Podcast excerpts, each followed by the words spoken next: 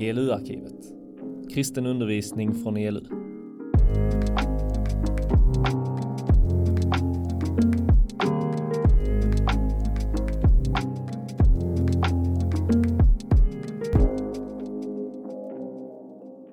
Varmt välkomna till det här seminariet.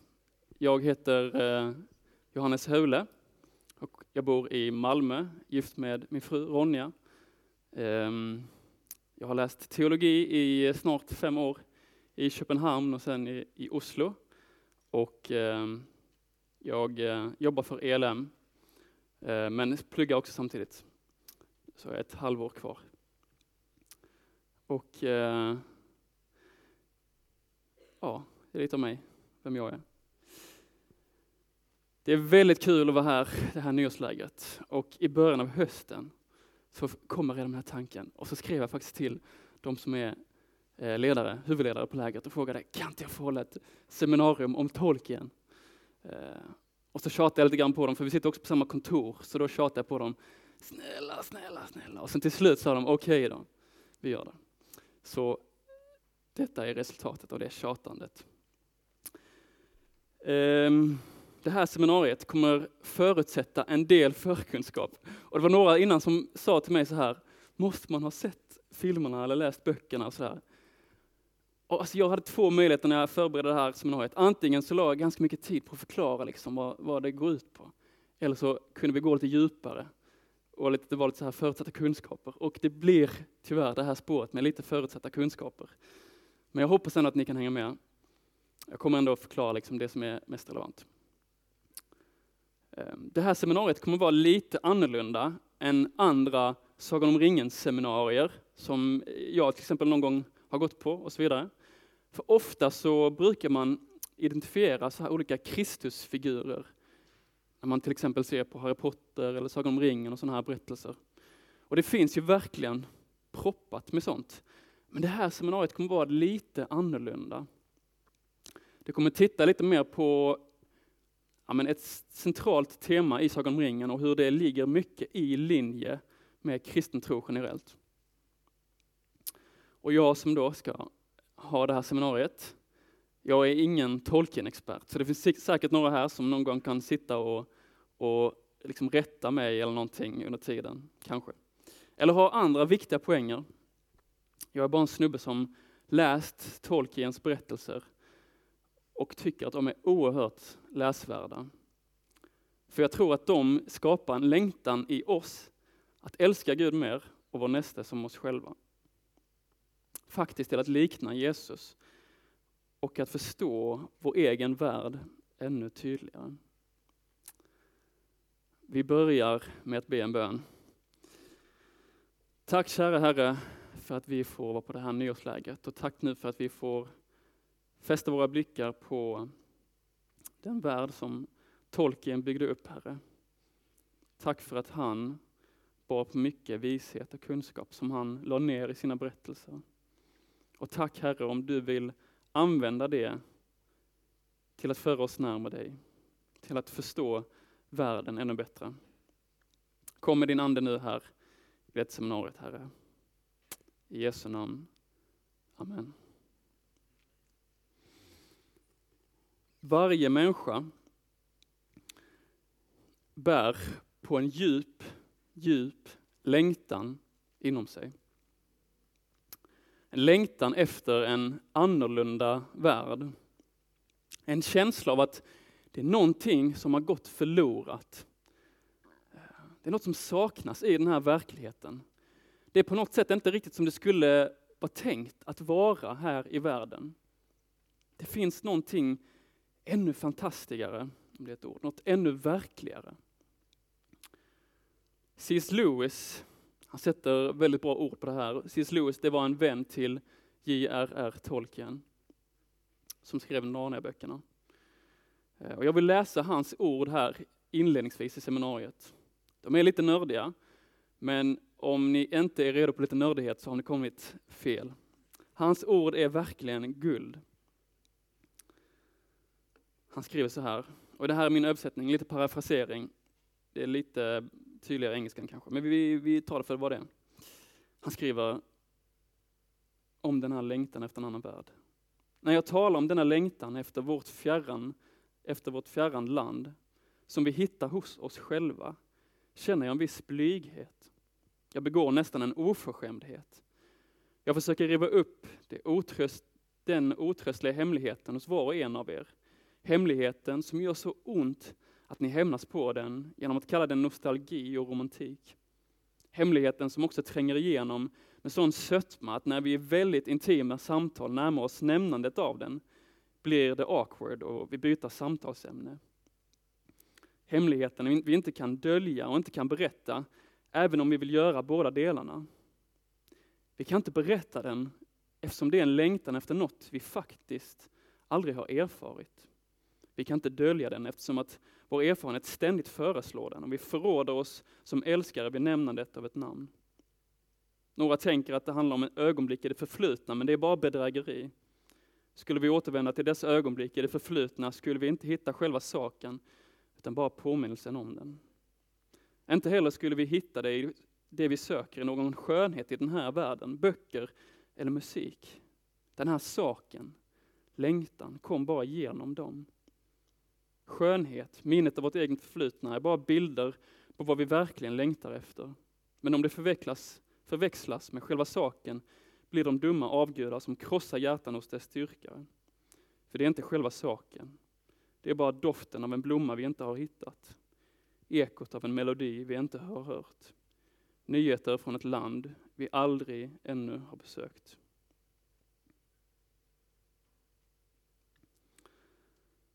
Det här är också ett tema i Bibeln. Och det var också ett viktigt tema för tolken och hans polare. Vi människor har den här längtan i oss efter någonting som vi aldrig riktigt har erfarit. Vi längtar efter Guds rike, efter närheten till Gud. Vårt sanna hem. För några människor så är fantasy en verklighetsflykt. Och de här människorna kanske då säger också att de som gräver ner sig i andra världar, de gör det liksom för att fly bort från den här världen. De är för lata eller för fega för att möta problemen i vår värld. De klarar inte av den här verkligheten. Och sitter de hemma i sin soffa och drömmer sig bort liksom till en annan värld. Det kan vara att det är en, en rimlig kritik mot en del fantasy eller en del datorspel. Det finns sådana grejer som knappast för en närmre verkligheten. Till exempel har jag själv nördat mina, mina många timmar av WoW, så jag, liksom jag vet att det finns saker som kan föra en bort från verkligheten. Men kritiken är inte befogad, den är inte rimlig för Tolkiens värld, menar jag fantasyn i Sagan om ringen och hans andra verk. För att läsa Tolkien är inte en flykt från verkligheten, men det är en flykt till verkligheten. Att läsa Tolkien är en flykt till verkligheten. Vad menar jag med det? Jo, den här verkligheten var, den är inte som det var tänkt. Den här verkligheten är präglad av så mycket ondska och så mycket lidande. Ondskan i vår värld skapar inte bara lidande, men också förvirring. Den här världen är grumlig, otydlig, dimmig och suddig.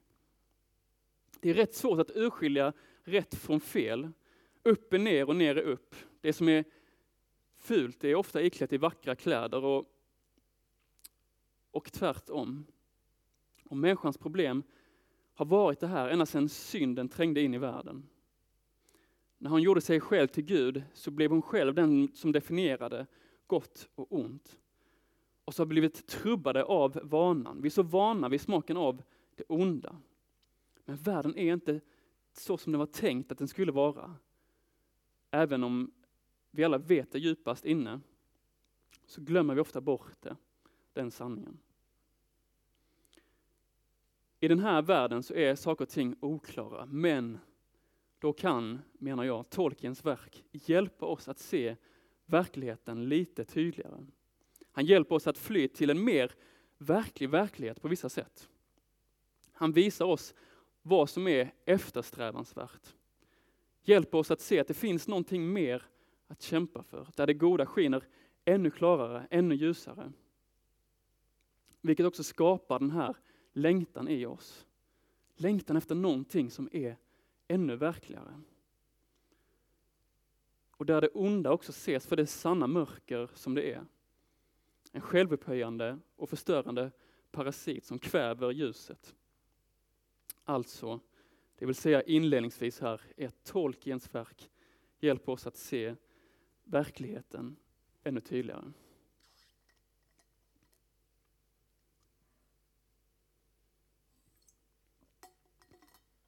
Okej, men upplägget på det här seminariet kommer vara så här. Jag hade först egentligen en ganska bra, tydlig struktur. Och då så efterhand, när jag kollade igenom den här strukturen och förberedde, så insåg jag att det här kommer att ta tre timmar om jag ska liksom följa allt detta. Så jag var ner, tvungen att korta ner det hela och då blev det lite ostrukturerat. Men, och det kanske kommer upplevas som det, men generellt så ska vi kolla på tolken och kampen mot ondskan, som det stod i början. Tolken och kampen mot ondskan. Um, och då kan det här seminariets tema kallas Tolken och kampen mot ondskan. Um, upplägget kommer vara så här. Först kommer vi kolla på vad är egentligen ont och gott? Och hur hjälper tolken oss att förstå det? Sen kommer det handla om vår roll, din roll i kampen mot ondskan. Sen gemenskapens roll i kampen mot ondskan och sist Guds roll i kampen mot ondskan. Så det handlar om kristen tro och tolken. Samtidigt så vill jag göra en viktig inledande poäng. Och här är det lite nördigt, men, men det är kul ändå. Um, för när det handlar om tolken och kristen tro så var det så att tolken, tolken han hatade, han var väldigt, väldigt skarp i sina formuleringar, han avskydde det som kallas allegori. Att man talar om en grej, men så säger man något annat. Och hans kompis C.S. Lewis gjorde just det i sina böcker.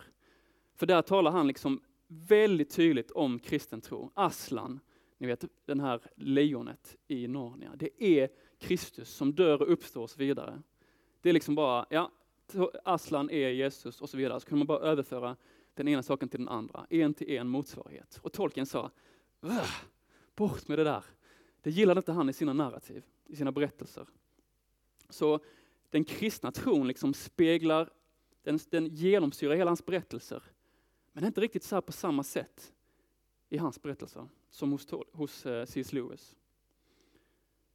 I hans tid, Tolkiens tid, så var det en del som frågade, ringen, är det liksom atombomben? Men då sa han, nej, det är ingen, ingen allegori, det är en värld i sig själv.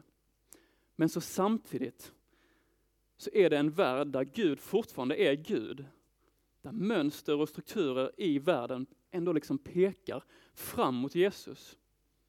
Det är lite grann, det finns liksom likheter med GT, Gamla Testamentet. Det, är liksom, det finns förebilder, figurer som pekar fram mot Jesus. Men han är inte där själv i egen hög person. Så därför när vi ska prata om kampen mot ondskan så är det också väldigt mycket i linje med kristen tro, även om det liksom inte är så här direkt förhållande. Men vi börjar prata om det nu. Ont och gott. Vad är egentligen ondskans natur? Och vad är det godas natur? Vad är det som är gemensamt med all ondska? Och vad är det som är gemensamt med allt gott? Olika tänkare har gett lite olika svar på den frågan. Men ett svar som tolken nog delar, det är att synd och ondska är högfärd. Högfärd, det är ett väldigt gammalt ord, beklagar det. Men det handlar om att vilja vara för mer än andra. Att vara bättre, starkare, vackrare. Jag vill liksom upphöja mitt ego så att det är över de andra. Och ultimat vill jag ta Guds plats. Jag vill vara den som är mest upphöjd. varför, när jag är i mitt klassrum, i skolan, så trycker jag ner min kompis med taskiga kommentarer. Jo, det är för att komma, själv komma upp i statushierarkin. Varför vill jag tjäna ytterligare en miljard kronor när jag redan har en? Jo, det är för att jag vill vara mer, liksom, jag vill ha mer pengar än de andra. Varför litar jag inte på andra? Det är för att jag själv vill ha makten att bestämma. Man måste inte vara kristen för att definiera ondskan på det här sättet. Men det rimmar väldigt väl med kristen tro. För i skapelseberättelsen så är ju detta verkligen människans synd, att vilja ta Guds plats. Det goda då, motsatsen till högfärden, det är ödmjukhet eller kärlek. Ödmjukheten eftersom att den gör liksom helt tvärtom. Den söker inte sig upp till toppen, den vill inte vara för mer än andra, men den placerar sig under och tjänar självuppoffrande. Jag hade som sagt också kunnat ha kärleken här, för kärleken den vill sitt, sin nästes bästa, den vill lyfta upp sin nästa. Men det här med högfärd och ödmjukhet, det är ett otroligt centralt tema i Tolkiens böcker. Um, men där så är det framförallt presenterat genom liksom det onda. Uh, det kommer fram mer med orden att vilja härska över andra. Att vilja härska över andra. Det är det som motiverar Sauron, Saruman och andra onda figurer. De drivs av det här begäret, liksom, att härska över andra. Och faktum är då att anledningen till att, och nu spoiler alert, spoiler alert ni som inte sett filmerna, de goda lyckas förstöra ringen på grund av att allt som Sauron förstår är just viljan att härska över andra. Gandalf han säger, och nu bara säga en till sak här, jag kommer ha en del citat. De kommer vara på engelska. Jag beklagar det. Tolkien var så sjukt grym på engelska och jag som nörd, liksom, jag, jag, kan inte inte ha det på engelska. Det är så fin engelska, men det kommer också vara på svenska vid sidan, bredvid, sidan bredvid. Men Gandalf säger så här i alla fall om det som driver Sauron. But the only measure that he knows is for this is desire, desire for power, and so he judges all hearts. Into his heart the thought will not enter that any will refuse it, that having the ring we may seek to destroy it. Det enda han förstår är högfärd. Och det är också det som är kontrasten i de goda figurerna, som Frodo, och Argon eller Tom Bombadil, ni som har läst böckerna. De har inte begäret att härska över andra, att vara för mer än andra. Det är inte det som driver dem. liksom.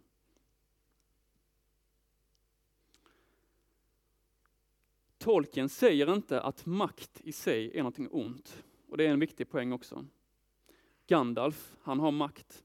Massa av makt, likaså Aragorn. Tolkien kanske inte köper, om man ska kalla det en marxistisk tanke, att all makt korrumperar och att maktfördelning eller hierarki i sig är ont. Vad han dock säger väldigt tydligt är att makten tar det onda i människan, högfärden, viljan att vara för mer, och så vrider den upp det begäret. Den som har längtan efter att härska över andra kommer också att falla för ringens frestelse och den makten den innebär. I vissa karaktärer så syns de här två, kampen mellan högfärd och ödmjukhet, väldigt tydligt. Och vi ska titta på några sådana karaktärer. Den första vi ska titta på, det är Denethor. Jag hörde sånt här seminarium där det var någon som alltid uttalade allting, allting på svenska så här. Alltså det lät också riktigt fattigt. Denethor. Frodo Säcker och så vidare. Nej, Denethor säger jag. Denethor, han är steward i Gondor. Jag kommer förklara det snart. Gondor, det är det mäktigaste riket i Middle Earth, där som Sagan om ringen utspelar sig. Och eh, det här, jag har inte sagt det, men det här seminariet kommer framförallt handla om Sagan om ringen. Ehm, för jag tror det är det som folk är mest bekanta med. Han är steward i Gondor, det mäktigaste mänskliga riket, för att de är ättlingar av det folket som gick under, numenorerna, ehm, som var välsignade, särskilt välsignade av Gud. Så därför är också de liksom riktigt mäktiga i Midgård. Och han då som sagt ehm, är steward i det här riket, Gondor. Och det innebär att han är att han vaktar tronsätet för den sanna kungen. Han är en förvaltare, men han äger inte tronsätet själv. Det är inte han som är kungen. Det finns en, en, en skillnad mellan film-Denethor och bok-Denethor. Jag älskar filmerna, men här misslyckas de. För film-Denethor är faktiskt allt för platt. Denethor i böckerna, han liksom är mäktig och vis. Han sitter på en stor vishet. Gandalf han säger om Denethor, He is not as other men of this age, Pippin, and whether it be his descent from father to son, by some chance the blood of westerness runs nearly true in him, alltså blodet från de här numenorerna, as it does in his other son Faramir, and yet did not in Boromir, whom he loved best. He has long sight. He can perceive, if he bends his will thither, much of what is passing in the minds of men, even of those that dwell far off. It is difficult to deceive him and dangerous to try. Så Denethor är den här vise förvaltaren. Olik de flesta andra människorna. Men trots det så blir för Denethor begäret för högfärden, liksom, att få vara mer än andra. Begäret efter ondskan blir för stort. Och hans högfärd vinner över hans vishet. Som det också står i boken. But at length his pride overcame his wisdom and he would not take counsel. Denethor, han hade förutsättningarna för att vara en bra förvaltare. Men Denethor är inte redo att ödmjuka sig, att lyssna på andra, höra deras råd, erkänna att det finns andra som vet bättre än han själv. Han vill vara för mer än andra, han vill härska. Han vill vara kungen av Gondor. Men så misslyckas då också Denethor med det som är hans huvuduppdrag. För han är inte den sanna kungen. Och när då den sanna kungen kommer, Argon, så vill han inte ge upp sin plats. Men det test som Denethor misslyckas med lyckas hans son Faramir med. När Denethor dör så blir då hans son eh, förvaltare, steward. Och Faramirs hjärta, Faramir är alltså bror till Boromir som, jag förutsätter att ni sett filmen, som dör så sorgligt, men han dör en god död. Ehm, och Faramirs hjärta är väldigt annorlunda jämfört med Denethor. Faramir i böckerna är också lite annorlunda än filmen, för i, i böckerna har han inte de här daddy issuesen som man har i filmen. Um, men den stora skillnaden mellan Denethors och Faramirs hjärta, det är att Faramir har inte längtan att härska över andra. Så när Faramir har då ringen i sitt grepp, han har Frodo och Sam där i sina grottor, så säger han de här fantastiska orden till dem. Om ringen då. Som han först inte visste vad det var liksom när han, när han uttalade de här orden. Not if I found it on the highway would I take it, I said. Even if I were such a man as to desire this thing, and even though I knew not clearly what this thing was when I spoke, still I should take those words as a vow and be held by them. But I, but I am not such a man, or I am wise enough to know that there are some perils from which a man must flee. Sit at peace. Istället då för att ta makten så är han ödmjuk. Han är redo att lägga ner makten, både att använda ringen men också makten när den sanne kungen kommer. Och det är just vad han gör. När tiden är inne så ger han Aragorn kronan och därmed så fullföljer han sin roll som steward, förvaltare. Han är en ledare, men han är inte kungen själv. Hans roll är att lämna över makten till kungen när han kommer.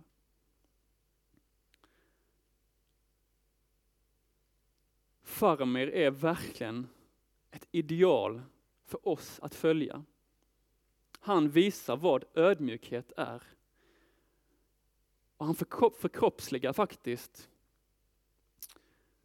också Johannes döparens uppgift i Bibeln. Vi hade ett bibelstudium för eh, några veckor sedan var det väl Fabbe, i Malmö, i kyrkan där. Och så läste vi en text om Johannes döparen. Matilda var också där. Um, där det blev så sjukt tydligt parallellen mellan Faramir och Johannes döparen. För när Johannes döparens lärjungar, var det också där han eller? Du ser lite sur ut, förlåt. när Johannes eh, lärjungar ser att eh, Jesus drar till sig mer folk än vad Johannes döparen gör. Så kommer Johannes lärjungar till honom och så säger han, hallå Johannes, den där Jesus, han håller på att bli mer populär än du. Det är väl inte rätt? Det stämmer väl inte? Men Johannes, han har inte det här högfärdet. Istället så ödmjukar han sig. Han vet sin plats i förhållande till Jesus. Så därför så säger han i Johannes 228-30 jag är inte Messias. Jag är sänd framför honom. Brudgum är den som har bruden. Men brudgummens vän står där och lyssnar till honom och han gläder sig över brudgummens röst. Den glädjen är nu min helt och fullt. Han talar som Jesus. Han måste bli större och jag mindre. Han måste bli större och jag mindre. På samma sätt får vi kristna som följer kung Jesus säga makten och härligheten, den tillhör inte mig. Den tillhör Jesus. Han är min Herre, han är min kung, inte jag själv.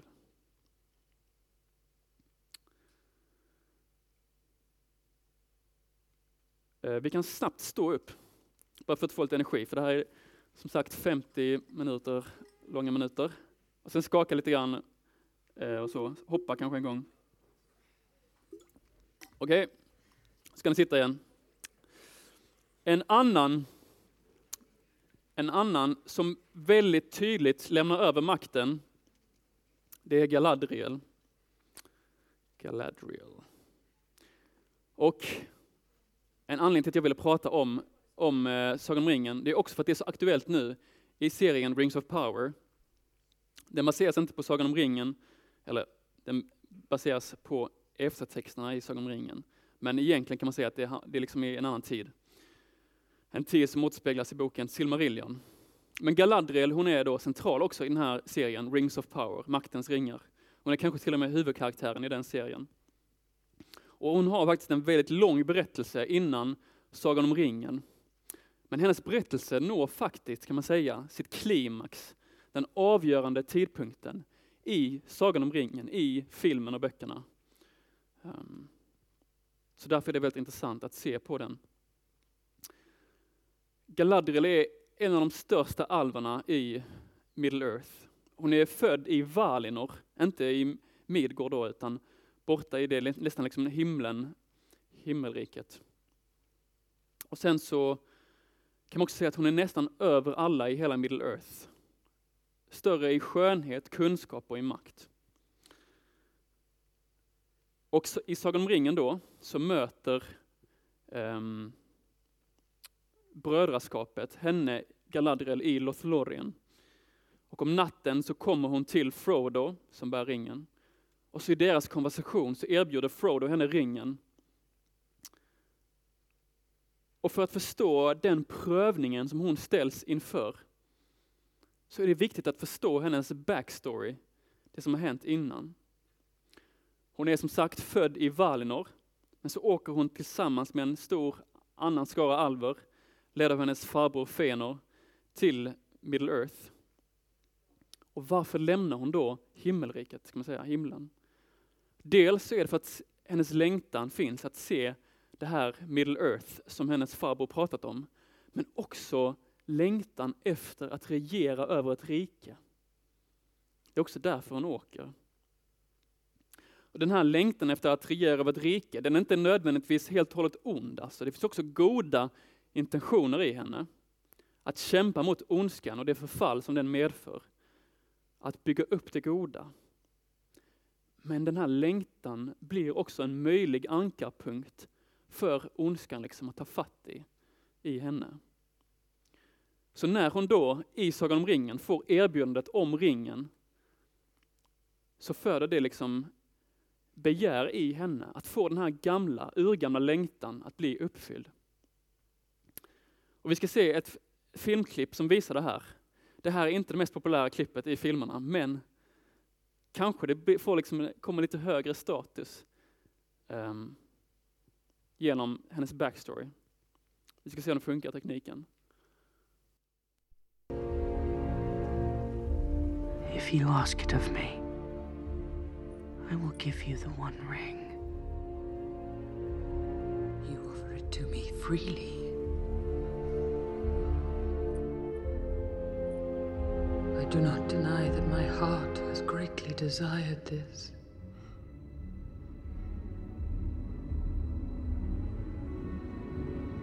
In place of a dark lord, you would have a queen! Not dark, but beautiful and terrible as the dawn! Treacherous as the sea! Stronger than the foundations of the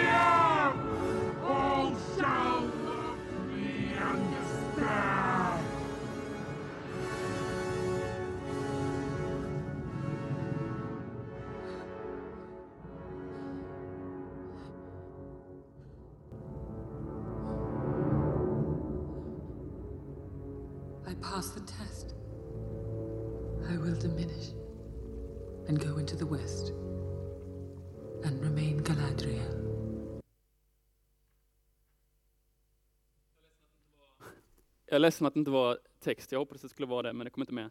Men det som liksom, jag beskrev ändå vad som hände. Hon prövas, hon får möjligheten att ta ringen, få makten. Och så, så säger hon också där, nu minns jag inte exakt, I would be a great terrible queen. Men ah, det finns också något gott i det, men ändå så väljer hon att avstå frestelsen, ödmjuka sig och förblir Galadriel. Ehm, hon ödmjukar sig i mötet med makten. Hon blir också en förebild att följa. Hon är en som övervinner kampen mot ondskan. Hon, hon vinner mot ondskan. Eh, hon klarar testet, begäret vinner inte, men hon ödmjukar sig. Och hon är liksom Faramir och Johannes döparen ett exempel i följa i kampen mot ondskan.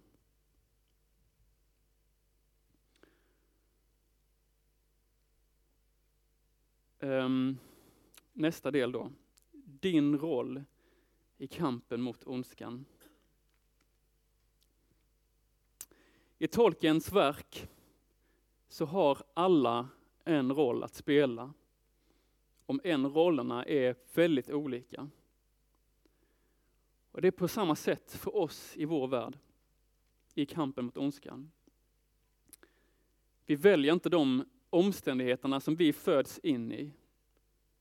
Vi väljer inte kamperna och de rollerna som vi kallas att ta i dem, i kampen mot ondskan. Och ibland så kan det kännas så sjukt orättvist med de kamperna som vi får möta. För ondskan den slår orättvist. För några mer, för andra mindre.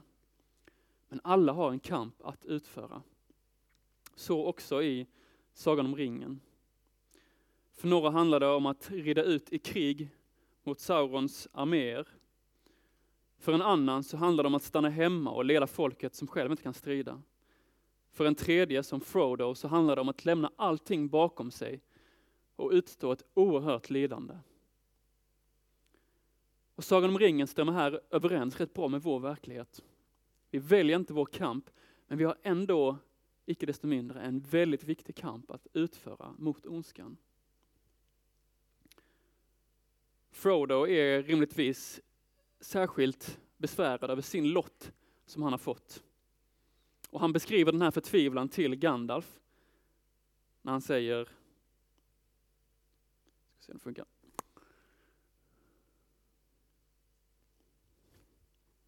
I wish it need not have happened in my time, said Frodo. So do I, said Gandalf, and so do all who live to see such times. But that is not for them to decide. All we have to decide is what to do with the time that is given to us. Vilken lott vi än har fått så är vi kallade att utföra just den. Och vi kan inte ta alla kamper. Vi får ta den rollen, den lotten som vi har fått, som vi blev tilldelade. Och det här fångar också Gandalf väldigt väl i sin vishet när han säger Other evils there are that may come, for Sauron him is himself but a servant or emissary.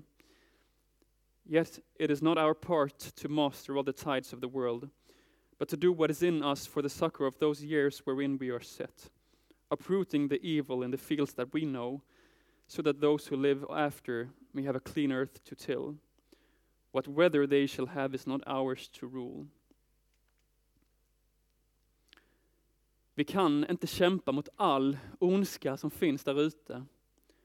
Men vi kan kämpa de kamperna som vi har tilldelats. Vi har fått vårt trädgårdsland som bilden som Gandalf målar upp här är. Och det är ogräs som finns där. Vi kan liksom göra jorden ren. Men vi kan inte styra det väder som sen kommer drabba dem efter oss.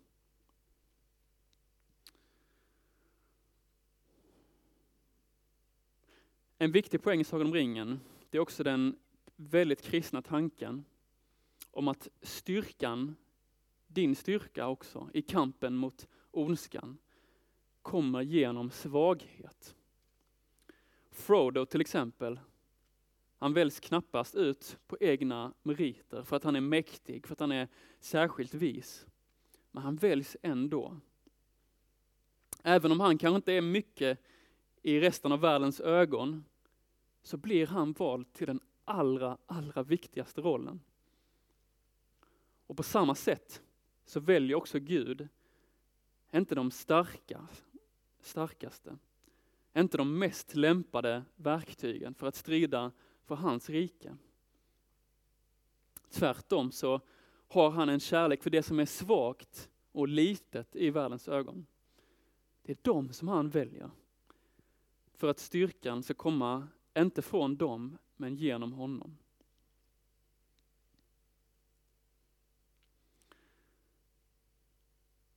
Men vi har alla en roll i kampen, men vi är inte satta ensamma i vår kamp mot ondskan.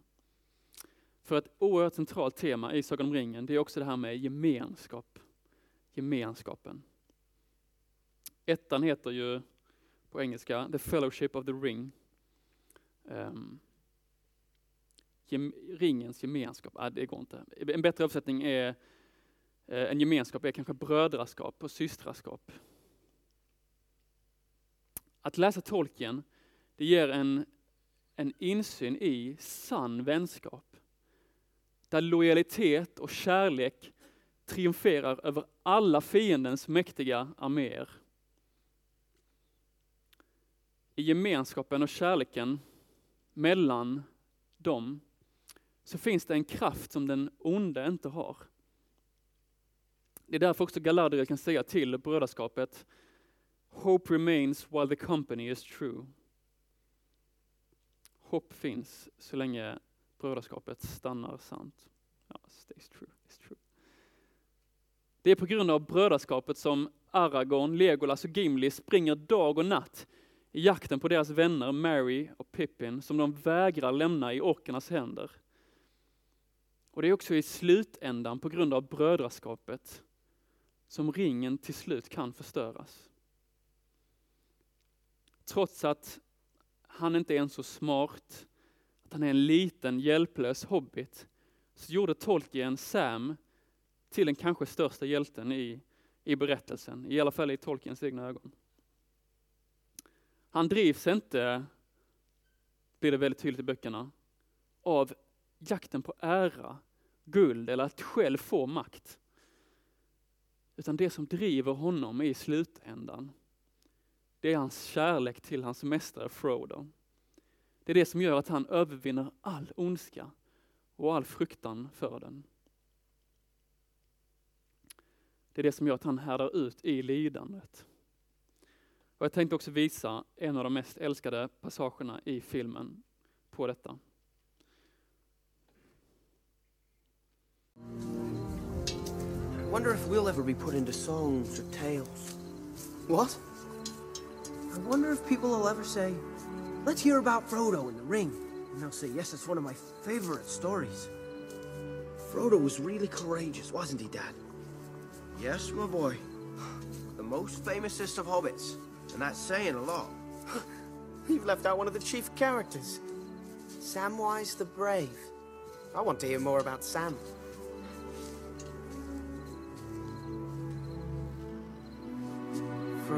Got far without Sam. Now, Mr. Frodo, you shouldn't make fun. I was being serious. So was I.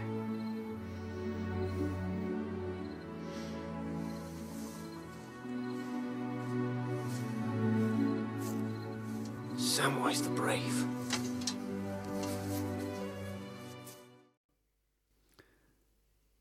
Beklagar igen att det inte var undertexter.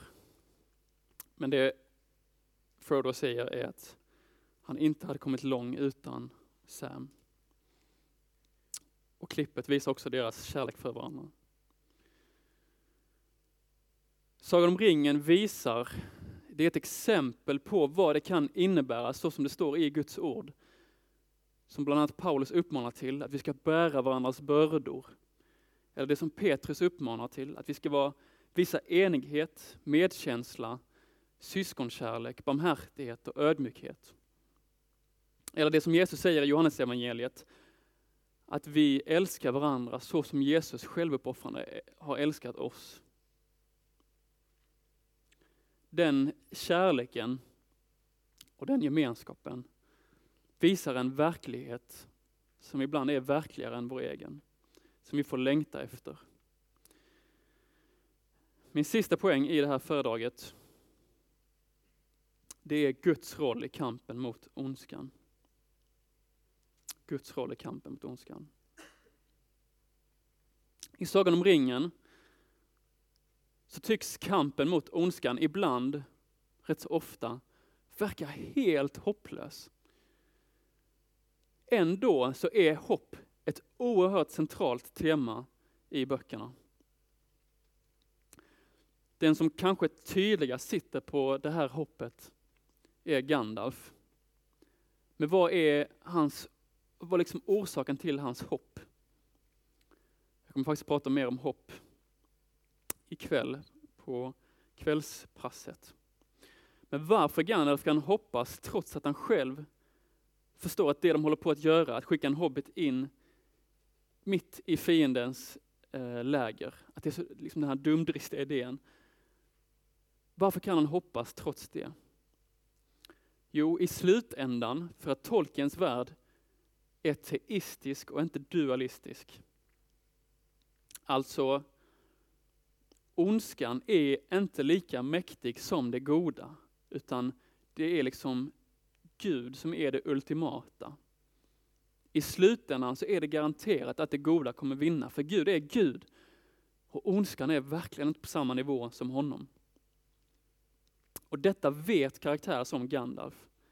De vet att det finns en makt större än alla andra som har ett finger med i spelet. I kristen tro så kallas detta Guds försyn, eller försyn. Ännu ett gammalt ord, jag beklagar att jag använder så gamla ord, det här passet. Men det handlar om att det som händer i världen i slutändan ändå inte är helt lämnat till slumpen. Det finns en mäktigare vilja som vill det goda. Paulus han formulerade så här i Romarbrevet 8.28. Vi vet att allt samverkar till det bästa för dem som älskar Gud, som är kallade efter hans beslut. Samverkar till det bästa. Även om Sagan om ringen inte alltid är så tydligt präglat av teologin, även om den liksom inte alltid är så uttalat i själva böckerna, så är det här temat ett tema där det verkligen lyser igenom att den som har skrivit det här är en som tror på Gud. Vid några av de viktigaste tillfällena i böckerna så blir det här väldigt tydligt. Det är oerhört tydligt i skapelseberättelsen i Silmarillion. Jag kommer inte ha tid att gå in på det nu tyvärr, men den är helt fantastisk, den berättelsen. Man kan liksom bara läsa om man vill, om man inte orkar läsa hela Silmarillion, så kan man läsa bara den första lilla eh, delen som heter Ainu Nindale. Om man vill. Men det kanske är tydligaste Sagan om ringen är det som är liksom Sagan om ringens klimax, den viktigaste punkten i hela berättelsen. Eh, när ringen förstörs. För när Frodo och Sam har vandrat hela vägen till eh, Mordor och de står i Orodruin, Mount Doom, då så händer det som verkligen inte får hända. Ringen övervinner Frodo.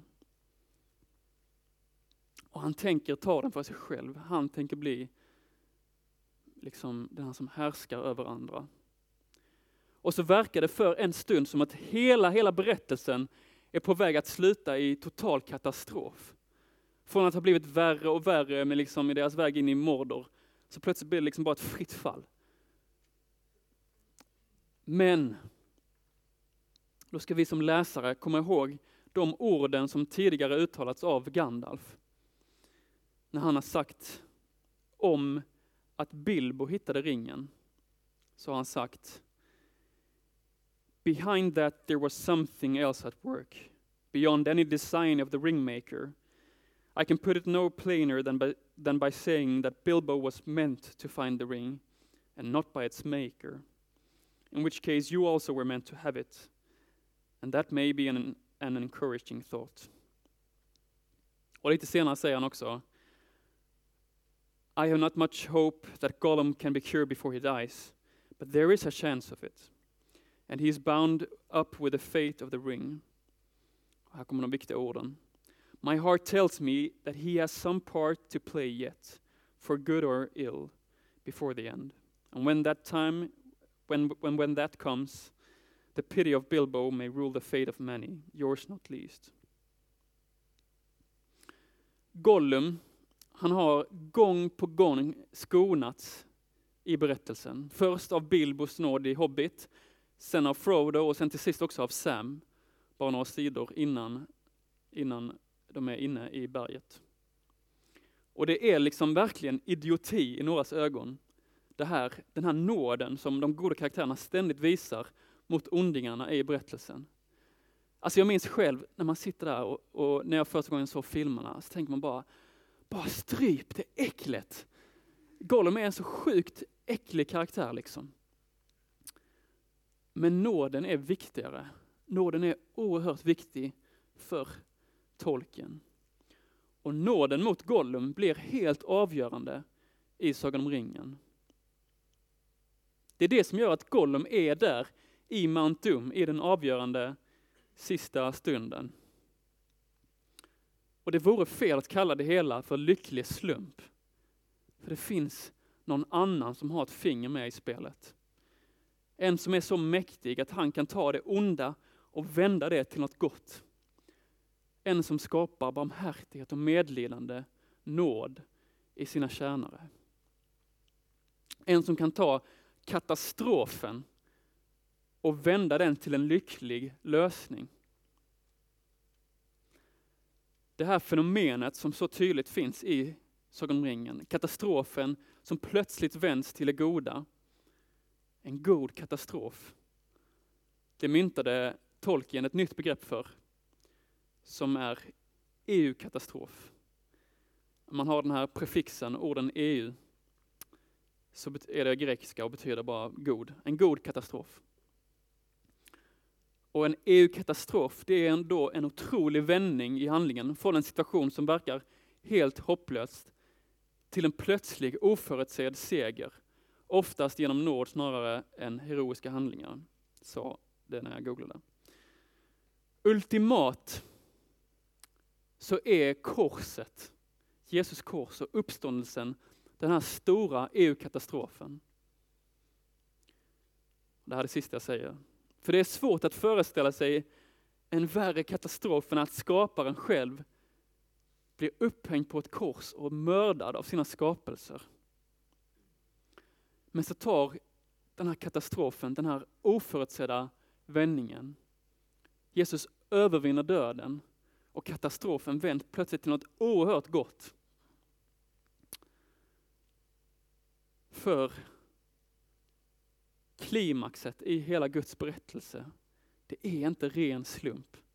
Det är någon annan som har en finger med i spelet. Det hela blir en EU-katastrof.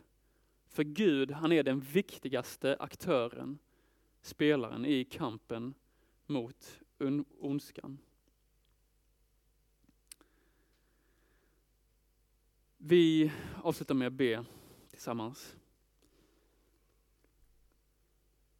Kära Herre, tack för att vi har fått den här skatten i Sagan om ringen. Och tack för att vi får läsa böckerna, läsa den värld som Tolkien har skapat och se filmerna. Låt det skapa en längtan efter en mer verklig verklighet i oss. Låt det inspirera oss till självuppoffring, Herre, till att älska vår näste, till att älska dig över allting.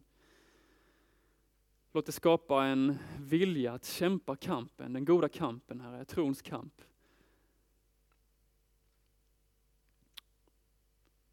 Vi har alla fått vårt lott, Herre, vår kamp som vi har en roll att spela i, men tack för att vi inte är satta ensamma i den kampen.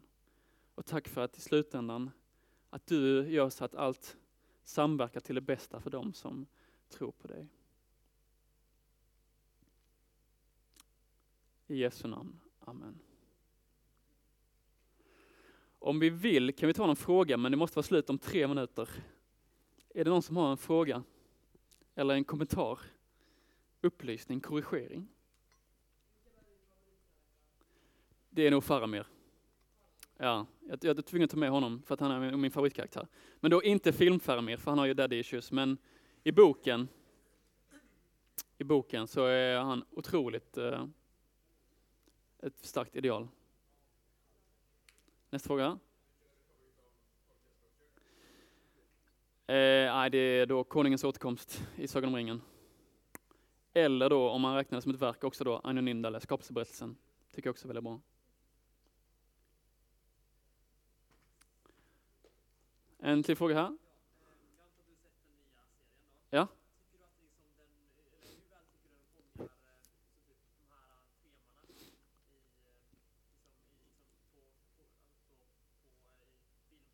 Mm.